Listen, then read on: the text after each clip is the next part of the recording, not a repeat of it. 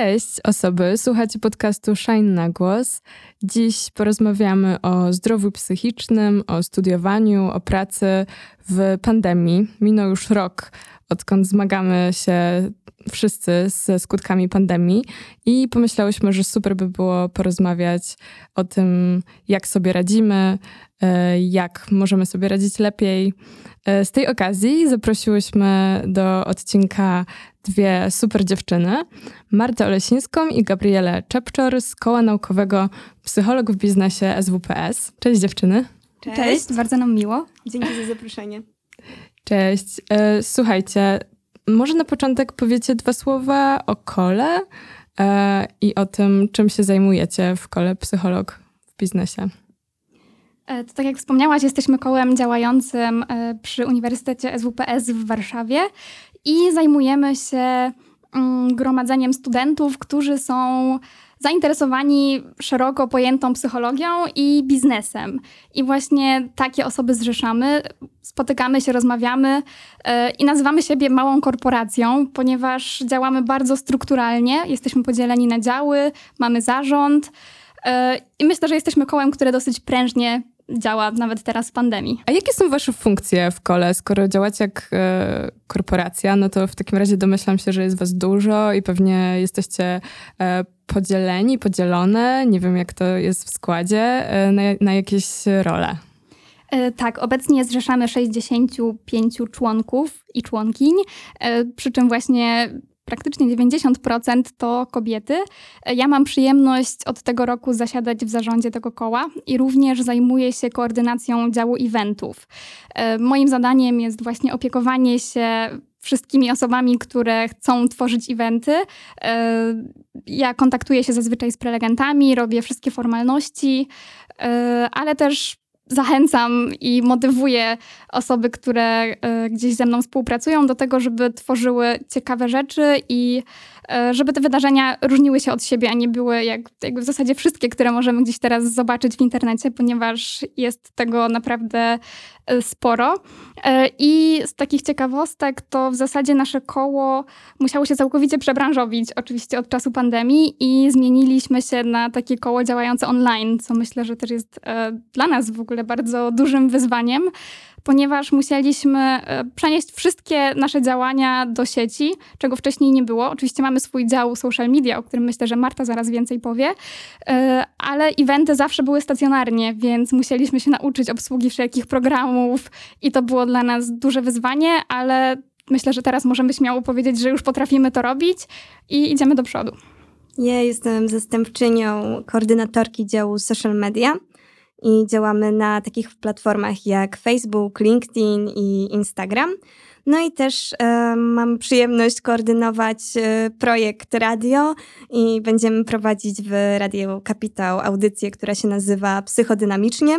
E, nie nawiązuje do Freuda, to znaczy mm, to jest jeden z najbardziej znanych nurtów w psychologii, a nam osobiście poglądami raczej bliżej do poznawczo-behawioralnego, ale brzmi to mniej chwytliwie. Mm, I e, tak, no u nas akurat w dziale social media mm, pandemia aż tak dużo nie zmieniła, bo wiadomo, że cała nasza działalność się toczyła e, cyfrowo. Natomiast to, że spotkania organizacyjne, e, które e, mieliśmy, są teraz też e, online, gdzieś taką interakcję między nami, przynajmniej początkowo, jakby teraz staramy się to działanie niwelować, no, zabiło trochę. I, I dużo rzeczy się działo dosyć mechanicznie. Teraz wprowadzamy właśnie w dziale takie systemy, żeby tej interakcji między nami było jak najwięcej. Ja jestem fanką y, waszych kanałów w social mediach i super prowadzicie te kanały, muszę przyznać, bo można tam znaleźć i sporo takich psychologicznych po prostu ciekawostek i wiedzy, ale też jakiejś inspiracji do, do rozwoju, nie tylko w biznesie myślę, ale też w ogóle do rozwoju siebie, także to jest ekstra. Na, na pewno w opisie tego odcinka znajdziecie e, linki do, do kont dziewczyn. Um, a tak sobie jeszcze myślę, że my też no, działamy online, ale mimo wszystko jednak pandemia coś zmienia i doskonale rozumiem e, to, co mówiłaś, czyli no, brak spotkań e, takich na żywo. Teraz ostatnio, jak słuchałam odcinka poprzedniego naszego podcastu, e, w którym Karola i Ula opowiadały o warszawskich miejscówkach i po prostu z taką nostalgią słuchałam tego, jak świetnie byłoby się zobaczyć i, i właśnie odwiedzić znowu te, te miejsca. E, nawet takie rzadkie spotkania to jednak no, po prostu jest zupełnie, zupełnie inna jakość. Także to przejście dla nas, choć też działamy online, wcale nie było y, łatwe. Ale wspominałyście o tym, e, że nauczyłyście się um, tych eventów online. No i tak naprawdę trochę też inspiracją do tego, żeby z wami porozmawiać jest to, że e, jesteście świeżo po konferencji, prawda? E, możecie powiedzieć o niej troszkę więcej i też od takiej strony organizacyjnej, jak to wyglądało. Konferencja odbyła się 6 y, i 7 marca. Data oczywiście nie była przypadkowa, bo był to dzień przed Dniem Kobiet. Y, I tematyka konferencji y, również nie była przypadkowa, bo była związana z kobietami. Była to druga konferencja Psycholog w biznesie, Czas Kobiet. I Przygotowania do konferencji tak naprawdę trwały od grudnia zeszłego roku, czyli troszkę czasu spędziliśmy na samych przygotowaniach.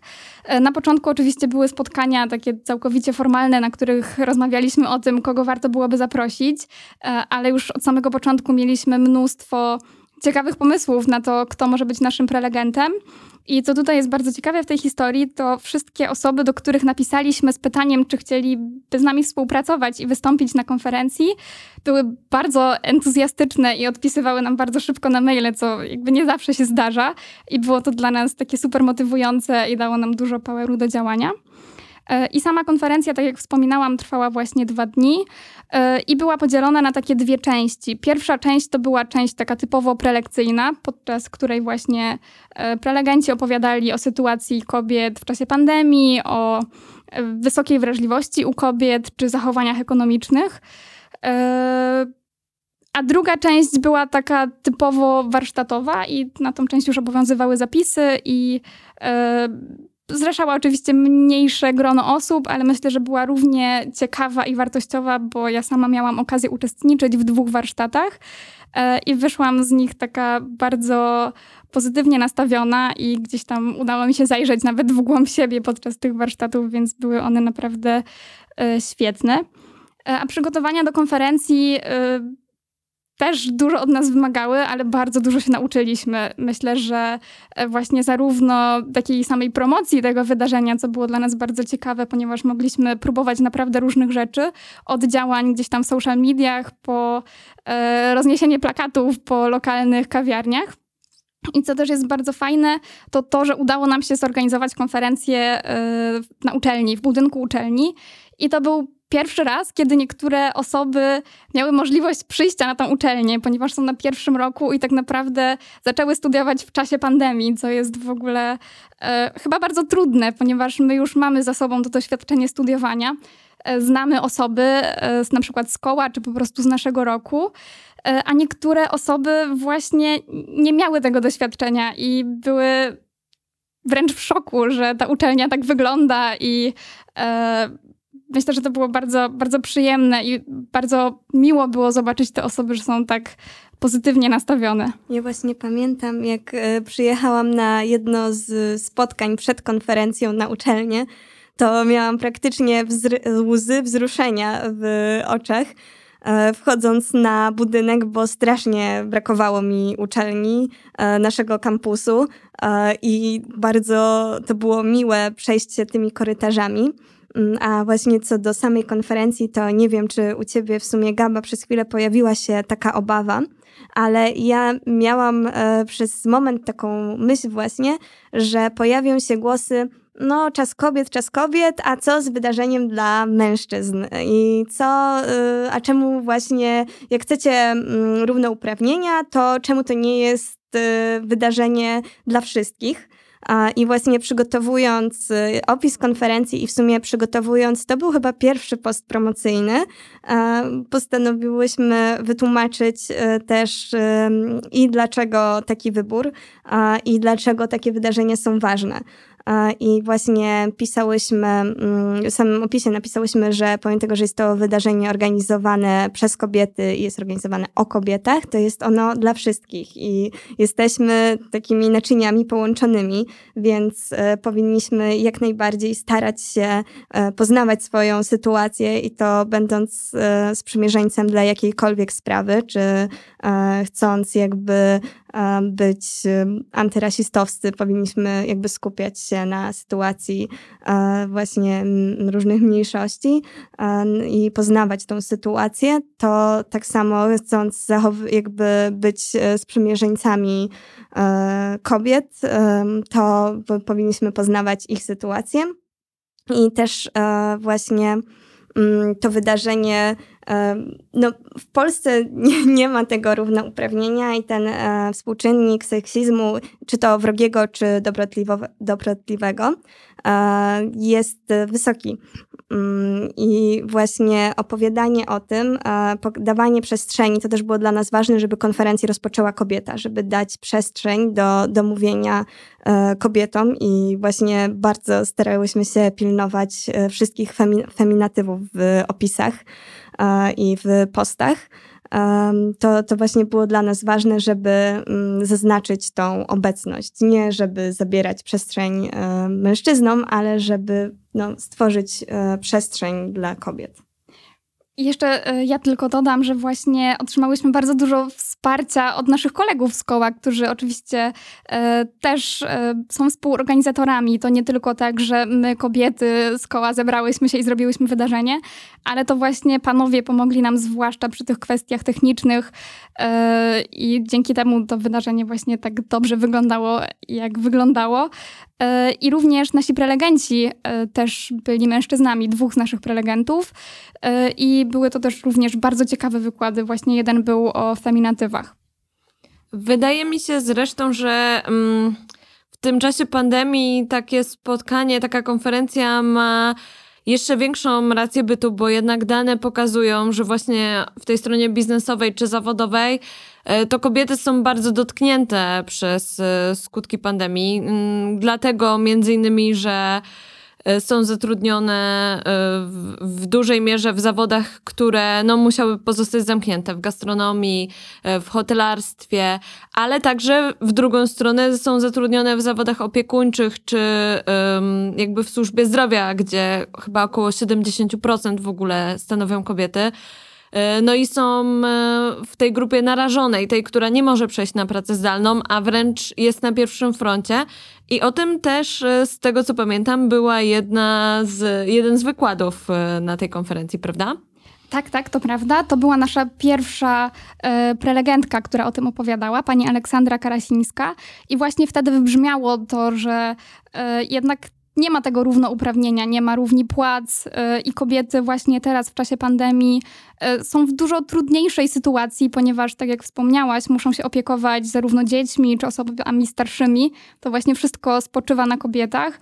Tak samo ten obowiązek edukacji domowej to też w głównej mierze wykonują kobiety, yy, ale również co jest bardzo ciekawe i co też zostało poruszone podczas tej prelekcji, to to, że ogólnie jako społeczeństwo polskie, już nawet nie same kobiety, jesteśmy e, bardzo zacofani, jeżeli chodzi o technologię. Nie potrafimy korzystać z technologii. I to, co powiedziała pani Ola, to e, taką nadzieją dla kobiet jest to, żeby uczyć się chociażby podstaw technologicznych, e, żeby rozwijać swoje zdolności, ponieważ w tym kierunku idzie przyszłość.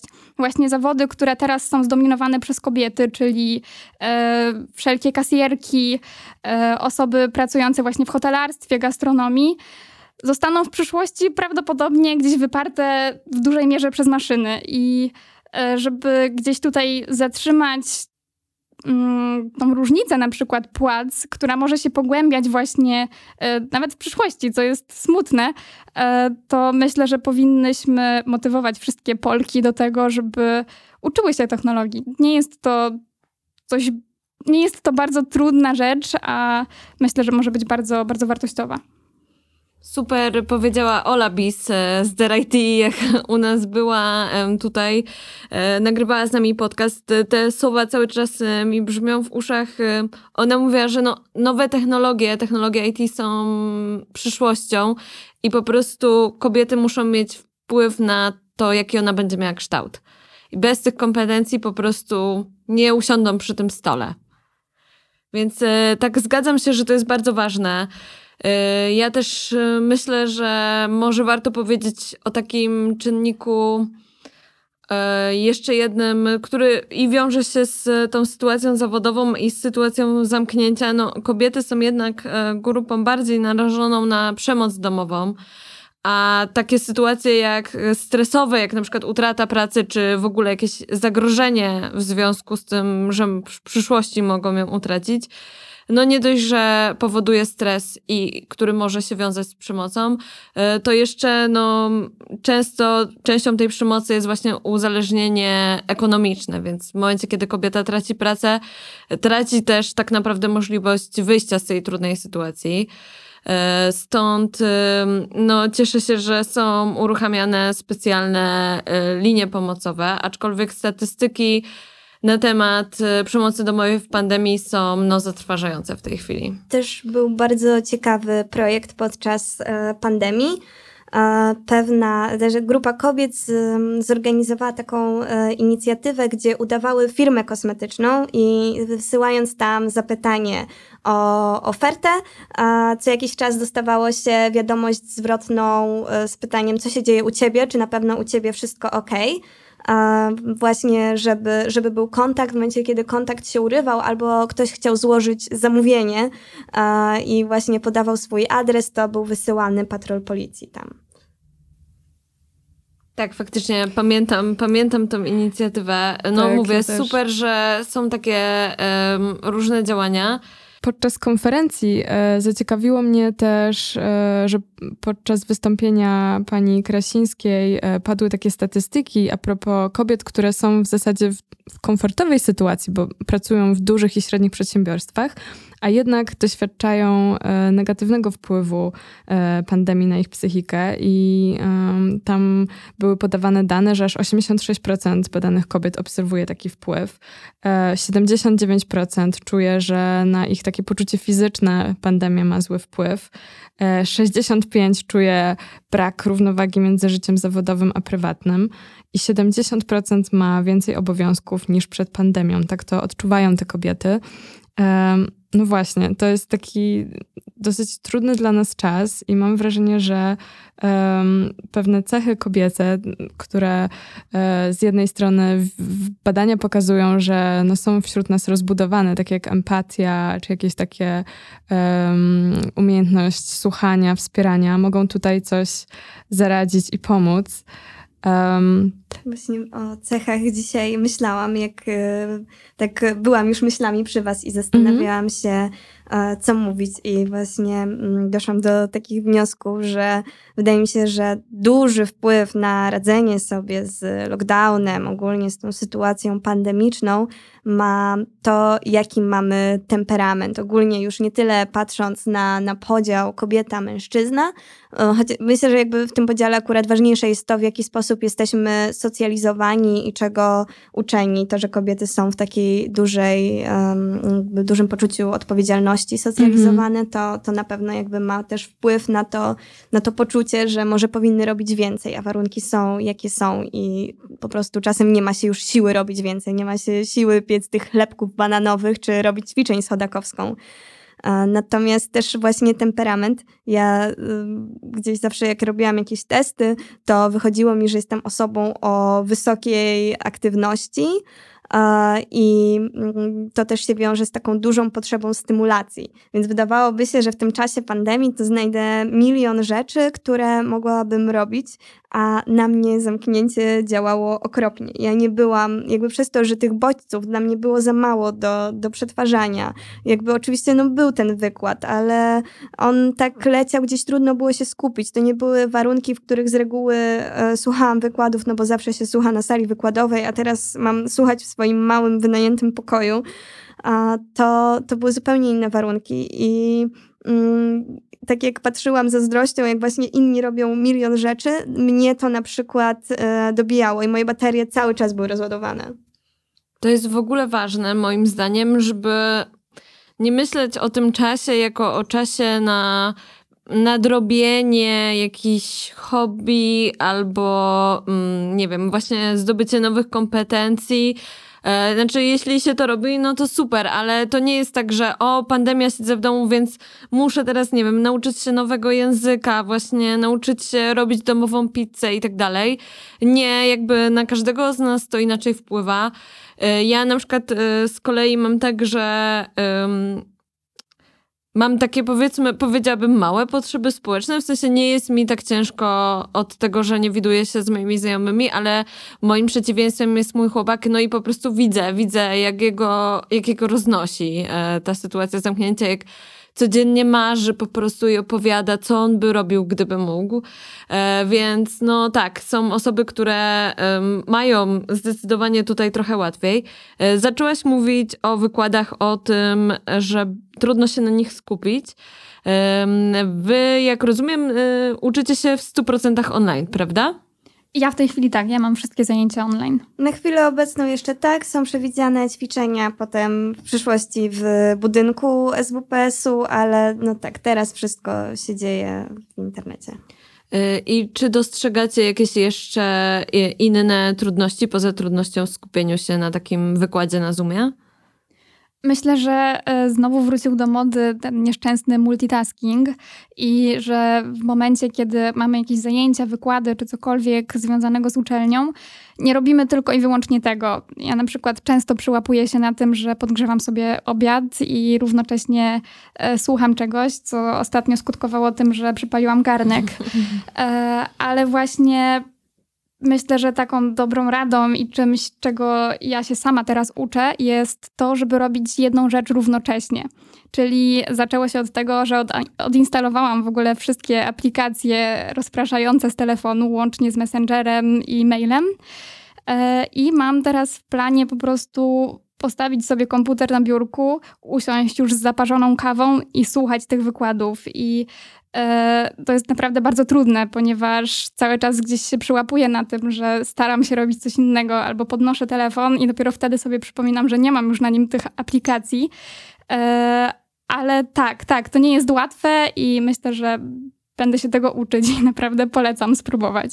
Właśnie co do tego mm, multitaskingu, jest takie zjawisko jak medialny multitasking, czyli e, skupianie się właśnie i naraz na, mm, na telefonie, na laptopie i badania e, no, nie, nie, traktują tego jako coś pozytywnego, pomimo tego, że ludzie lubią sobie e, wpisywać w CV, że mają świetny multitasking, no to nie jest to zjawisko mm, pozytywne, bo to trwale jest w stanie obniżyć nasze umiejętności koncentracji. I też istnieje coś takiego jak teoria zasobów Kahnemana, że jesteśmy w stanie skupić się tak aktywnie na ograniczonej ilości rzeczy. Więc nawet jeżeli właśnie słuchamy tego wykładu, odpisujemy na wiadomość na Messengerze a, i robimy notatki, no to któraś z tych rzeczy ucierpi na pewno. Tak, ja bardzo widzę wpływ w ogóle takiej ekranozy, ja na to mówię, na, na moją umiejętność e, skupienia się. A wczoraj miałam do przeczytania krótki tekst w pracy i po prostu nie mogłam, nie mogłam y, się za to zabrać. W sensie nagle czytanie stało się dla mnie takim zadaniem, wiecie, nie miałam problemu z odbieraniem telefonu, odpisywaniem na maila, ale tak, żeby się skupić i usiąść, to było strasznie trudne. A powiedzcie mi jeszcze, jak to wygląda czasowo? Y, czy na przykład to, że macie wykłady online, to wpłynęło na wasz y, czas spędzany jakby na uczelni? Na samym uczeniu, tak? Tak. E, to znaczy, ja na pewno widzę dużo pozytywnych samych skutków tego, że mogę e, pracować i studiować z domu. Właśnie jednym z nich jest to, że mogę w ogóle pracować, bo oszczędzam, no jak tak policzyłam, to z 10 godzin na dojazdy, co jest praktycznie całym dniem pracy. E, ale też widzę, że przez to mam dużo mniej takich przerw, ponieważ kończę zajęcia i od razu przełączam się na tryb pracy i e, też na tym cierpi moja wydajność, bo po prostu nie jestem w stanie tak długo siedzieć i pracować, ale z drugiej strony jestem w stanie robić no jakby teoretycznie jedno i drugie, ale wiem, że nie jest to na 100%, więc też będę musiała pomyśleć nad jakimś złotym środkiem i na przykład przerwać e, ten czas między pracą a zajęciami jakimś spacerem chociażby. U mnie to się przełożyło tylko i wyłącznie negatywnie. Jak wszystko jeszcze było normalnie, to nie miałam kompletnie problemu z tym, żeby skończą się zajęcia, ja pojadę sobie na BUF, tam sobie przeczytam jakąś literaturę, czy przejrzę notatki, Um, no zrobię coś takiego, wrócę później do domu i w domu już odpoczywam.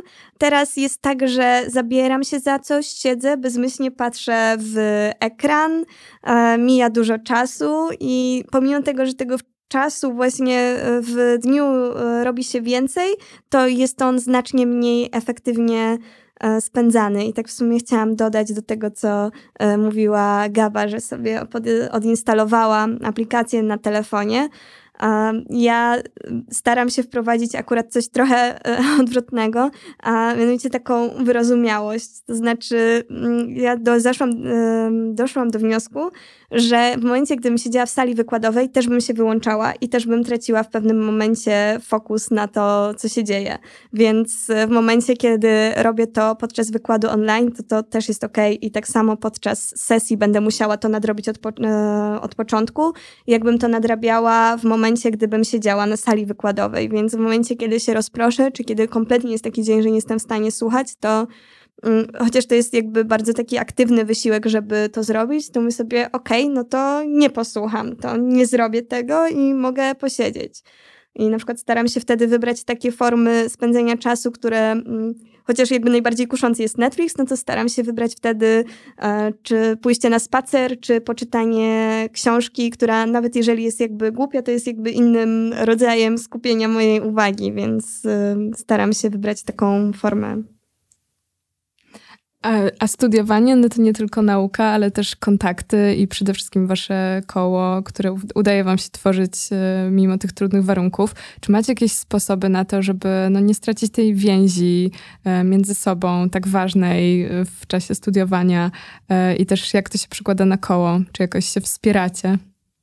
No myślę, że dużo mamy takiego wsparcia, które właśnie idzie od strony naszego koła poza takimi spotkaniami, które są takimi typowo online'owymi i na przykład jakiejś integracji, podczas której gramy w jakieś gry, e, no to właśnie mieliśmy możliwość pracowania przy tym projekcie związanym z konferencją i spotkania się w końcu. I myślę, że to, to był taki największy kop energetyczny dla nas wszystkich, bo e, tak naprawdę no to jest chyba takie najważniejsze. W zasadzie wszystkie moje aktywności związane ze studiami czy pracą są takimi stuprocentowo zdalnymi i e, wydaje mi się, że to nie tylko ja, ale tak naprawdę wiele osób teraz doceniło to, że e, te spotkania tak naprawdę są bardzo ważne, bo na przykład sama taka kwestia tego, że wiele osób zaczęło właśnie e, w tym roku studia i dołączyło do koła, to tak naprawdę um, oni nawet nas wcześniej nie widzieli, nie widzieliśmy siebie nawzajem, nie,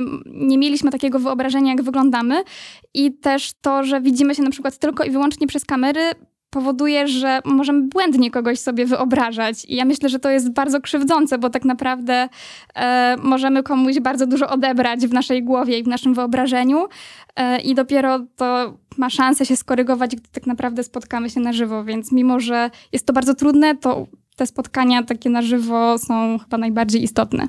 Też systemowo sobie próbujemy e, radzić z tym działaniem online i e, brakiem kontaktu. To znaczy, mm, właśnie łatwo przy, w tym trybie pracy wpaść w taką monotonię i bardzo mechanicznie podchodzić do tych obowiązków. No, w dziale social media, no to po prostu wpiszesz się w kalendarz, wkleisz w post w odpowiedni folder, koordynatorka sprawdzi, czy jest dobrze, jakby wprowadzi uwagi i to jest tyle z kontaktu. Więc e, postanowiłyśmy to zmienić i mamy na przykład taki system, mm, który się nazywa kudos, od y, greckiego właśnie słowa y, wdzięczność i mm, dziękujemy sobie za wykonaną pracę i siebie oznaczamy, czy to są jakieś mniejsze, czy większe rzeczy. I wprowadziłyśmy też um, taki system um, wzajemnej pomocy sobie. Każdy wpisał, w czym jest dobry, czy to jakby i takie umiejętności twarde i miękkie. Mam takie dwie kolumny, bo akurat u nas w szkole właśnie wszystko jest takie bardzo E, formalne, jeżeli chodzi o ten podział pracy, więc e, Excel i Google Docsy u nas jakby bardzo aktywnie działają. W każdym razie mamy dwie kolumny z umiejętnościami twardymi i miękkimi i każdy wpisał sobie w tych twardych właśnie, czy jest dobry na przykład w korekcie, czy w grafikach, w tych miękkich można było wpisać cokolwiek. Ja tam podałam za przykłady jak to współtworzyłyśmy z koordynatorką social media, na przykład robienie gofrów, czy e, znalezienie najlepszego filmu na Netflixie na dany humor. E, więc e, jest tam cały przekrój różnych rzeczy i jakby celem tego systemu jest to, żeby nie tylko ograniczać się do kontaktu z koordynatorką, kiedy mamy problem, ale wchodzić właśnie też w interakcje z innymi członkami, bo do tego jest jakby mniej powodów. Wydaje mi się, że dużo osób, które pracuje, też widzi to, że ta komunikacja raczej idzie góra-dół, tak, jakby mm, podwładny przełożony, natomiast e, brakuje tej komunikacji w poziomie z kolegami i koleżankami. Tak, to trochę niesamowite. Myślę, że przez to, że wasze koło jest taką strukturą właśnie um, korporacyjną, to trochę też te rzeczy, o których mówicie, bardzo się przykładają na pracę. E, I myślę, że podobnie osoby, które już nie studiują, ale pracują, mają takie doświadczenie, że no jednak przychodzi się do pracy nie tylko po to, żeby pracować, tylko naprawdę okazuje się, że też się przychodzi po to, żeby wypić kawę i porozmawiać w kuchni i że to też jest super ważne i tego, tego brakuje.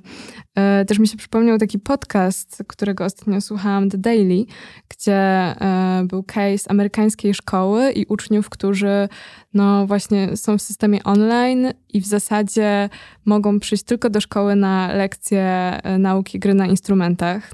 Są w orkiestrze szkolnej i opowiadają o tym, jak to jest niesamowite, jak to tworzy tak naprawdę im całe doświadczenie bycia w szkole, tylko po to w zasadzie e, no, czasami wstają rano, żeby móc się pojawić e, na próbie i, i, to nadaje sens ich życia w tym momencie, bo, bo mają naprawdę ciężko, często muszą pracować jeszcze dodatkowo, e, bo na przykład ich rodzice stracili pracę w związku z pandemią. I tak jakoś mi się to nasunęło, że wow, naprawdę spotkania są super ważną częścią naszego życia. To mega sprytny trik akurat, jeżeli chodzi o tą szkołę, bo gra na instrumencie to jest e, jedna z czynności, która konsoliduje ślady pamięciowe i pozwala nam lepiej zapamiętać rzeczy. Jakby jeszcze w to wchodzi e, uprawianie sportu i seks, więc jak chcemy coś zapamiętać, to, to są te trzy rzeczy, które e, wzmacniają, jakby, no tak, poprawiają nam pamięć, więc ci uczniowie jakby pomimo e, trudnych warunków nauki teraz, to myślę, że mogą dużo wynieść z tego roku. Ja przyznaję, że y, mi, y, mnie bardzo uspokaja na przykład granie na instrumencie i jak był ten pierwszy lockdown y, wiosną, to po prostu nauczyłam się grać na ukulele. No, nauczyłam, to może za dużo powiedziane, ale uczyłam się grać na ukulele i to naprawdę, wiecie, na przykład robiłam sobie taką pięciominutową przerwę w pracy na zagranie sobie paru akordów albo jakieś jednej pioseneczki. Niesamowicie mi to robiło dobrze na głowę. Taka drobna rzecz. I też um, tak nawiązując do tego, co mówicie, i też tak myślę cały czas o tym doświadczeniu studiowania, że jednak wiecie, że to jest takie specyficzne doświadczenie, na które czekasz, że taki jesteś u progu dorosłości, przychodzisz na uczelnię, przeprowadzasz się często do nowego miasta, no i jakby mają cię czekać te spotkania ze znajomymi w pubach, jakby w ogóle pierwsze takie samodzielne życie. No i um, osoby są w tej chwili trochę tego doświadczenia pozbawione, albo ono jest bardzo okrojone. Mm, natomiast ja cały czas sobie myślę, że jednak nie ma co tak tego życia jakby kłaść na półkę, czy wciskać jakieś pauzy, bo no tak naprawdę nie wiemy, jak ta sytuacja do końca będzie się rozwijać, więc ja y, na przykład nie myślę w takich kategoriach, że o, ten rok się nie liczy, albo tego, tylko staram się myśleć tak jakby żyć tu i teraz yy, i tu i teraz wyciągać z danej sytuacji to, co jest yy, jakby to, to, to, co mogę. Yy, macie może jeszcze jakieś takie sposoby na radzenie sobie, na poprawianie sobie trochę humoru czy, czy pozytywne myślenie w tym czasie? Mm, ja ja to, co jakby ode mnie wymagało w sumie dużo wysiłku, ale ja sobie skręciłam po prostu minimalnie oczekiwania i jakby mm, no niestety nie mam takich e, sposobów, że e, zacznę robić te, te, te i te rzeczy, bo u mnie ten taki zastrzyk energii trwa dosyć krótko i potem się wypala i ta sytuacja mnie dobija. Jakby no, minął już tak jak mówiłyśmy, e, rok. I więc miałam czas zaobserwować, jak, jak mój umysł, jak moje ciało się czuje w tej sytuacji. Po prostu widzę, że narzucanie na siebie milion nowych rzeczy jest e, dla mnie niekorzystne, więc po prostu ja się, to jest jakby chyba umiejętność, którą nabywam podczas pandemii. Uważam, że ona jest ważna dla każdego. Uczę się odpuszczać. Nie mam siły to nie robię, no trudno. E, próbuję wybrać te formy, które są może gdzieś tam lepszym odpoczynkiem, bardziej takim aktywnym właśnie niż, niż biernym, ale jeżeli mam ochotę obejrzeć tego Netflixa, to nie będę się katować tym, że, że nie, że powinnam poczytać i no, może to jest jedyna taka okazja, żebym po prostu tyle się wyleżała i jeszcze się na pewno wszyscy napracujemy i będziemy e, jeszcze e, przemęczeni pracą, więc jeżeli jakby no, nie ma rady, nie, nie da się, no to się nie da. Ja z kolei trochę inaczej podchodzę do e, właśnie całego takiego time managementu i nagradzania siebie. I dla mnie na przykład działa dużo bardziej wprowadzenie takiej rutyny od poniedziałku do piątku. Naprawdę trzymam się mojego planu i rano zaczynam dzień od jogi, gdzieś tam e, zaczynam bardzo powoli. Wprowadziłam długie poranki. E, nie zaczynam od telefonu w ręku, co też myślę, że jest bardzo pozytywną zmianą i pozwoliło mi tak włączyć się do tego trybu studiów czy pracy troszkę później. Z kolei mam taki dzień dla siebie, którym jest niedziela i po prostu w niedzielę no, nie mam nigdy nic zaplanowane. Po prostu niedziela jest taka, jaka jest i to jest dzień dla mnie. E, zazwyczaj w ogóle wtedy jestem wylogowana z social media, tak żeby mnie ktoś nie bombardował. Mam wtedy czas, żeby gdzieś wyjść, czy na spacer, czy do muzeów, jak jeszcze były otwarte, e, czy zrobić po prostu cokolwiek, albo, albo nic nie robić, ale właśnie e, to, co Marta powiedziała, takie samo nagradzanie się i generowanie czasu tylko dla siebie jest niezwykle istotne. To ja mam bardzo podobnie do ciebie, Gaba, bo ja nawet sobie wpisałam w kalendarz pierwszy raz niedziela, me time, i po prostu to jest czas zabukowany na to, żeby nie być zabukowanym. To jest, to jest świetne rozwiązanie, też bardzo tego potrzebowałam. E, mój chłopak się naczytał o tym, że w Dolinie Krzemowej w ogóle robią detoksy e, ekranowe i w ogóle nawet nie tylko ekranowe, to jest detoks od bodźców e, wszelkich. Nie wiem, muzyki się nie słucha wtedy, nie ogląda się filmów, nie robi się, nie, nie, nie pije się alkoholu, nie robi się nic takiego jakby ekscytującego. I e, też raz na jakiś czas wprowadzamy sobie coś takiego i na początku byłam taka sceptyczna, ale taki dzień takiego wynudzenia się, układania puzli i jakby chodzenia na spacer i posnucia się trochę był ekstra. Właśnie myślę, że, znaczy myślę, że to jest na pewno wartościowe doświadczenie, ale wydaje mi się, że to też może właśnie zależeć od tego typu temperamentalnego, o którego mówiłam. Jakby ja wiem, że potrzebuję jakiś bodziec yy, i dla mnie jakby taka zupełna, zupełne odcięcie się jest potwornie trudne, a też tak chciałam w sumie uzupełnić to, co mówiłam, że wiem, jaka jest jedna uniwersalna rada, żeby sobie radzić z pandemią, no i nie mogłabym powiedzieć, że studiuję psychologię, gdybym nie wspomniała o tym y, teraz terapia. To znaczy, jeżeli ktoś czuje się źle, czuje, że go sytuacja przytłacza, Uważam, że wybranie się do terapeuty jest naprawdę, naprawdę dobrą opcją, nawet jeżeli mają być to spotkania online. Dużo osób mówi, że właśnie oni mają z kim porozmawiać. Czy wydać tyle pieniędzy, żeby z kimś porozmawiać, to jest bez sensu. Ja się z tym kompletnie nie zgadzam, bo mm, to nie jest po prostu rozmowa, to nie jest e, wymiana odczuć jak z przyjacielem. Terapeuta nie ma być twoim przyjacielem. To jest pewna usługa, z której się korzysta i no tak jak e, chodzi się do lekarza jak boli, to tak chodzi się na terapię jak się czuje źle. E, też wiadomo, że terapia online przynosi świetne rezultaty. Wydawałoby się, że mm, to spotkanie face to face z terapeutą będzie przynosiło więcej pozytywnych rezultatów, ale okazuje się, że wiele badań mówi o tym, że, że terapia online też ma świetne um, skutki. Także jeżeli czujecie, że, że potrzebujecie spotkań z terapeutą, to naprawdę spotkania online też totalnie dadzą radę. E, a jeszcze ostatnio do, na naszą skrzynkę mailową e, przyszedł wspaniały toolbook, toolbook ćwiczenia na zagmatwane chwile i tam um, znalazłyśmy kilka takich fajnych inspiracji, które pomagają, no właśnie, uczyć się przede wszystkim online, ale też znieść pandemię. Um, i oczywiście udostępnimy to Wam w opisie tego odcinka, ale też do mnie jakoś tak przemówiło jedno ćwiczenie, o którym chcę wspomnieć, czyli po prostu leżenie i chwila takiego mindfulness, wsłuchanie się w swój oddech, e, w dźwięki za oknem.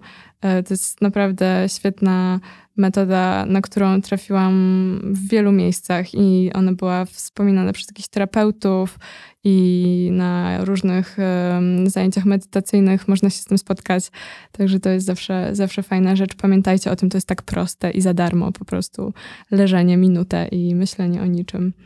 Um, Okej, okay, no dobra, dziewczyny, mamy już super dużo od Was porad i, i bardzo ciekawe jest to, jak prężnie działa Wasza społeczność. Odsyłamy do niej. E, naprawdę śledźcie koło w social mediach e, i czekamy na następną konferencję za rok. E, pozdrawiamy Was, wszystkie słuchaczki i słuchacze. Piszcie do nas na redakcja małpashinemac.pl. Mm, polecamy też nas, nasz, nasze konto na goout.net. Do usłyszenia za dwa tygodnie.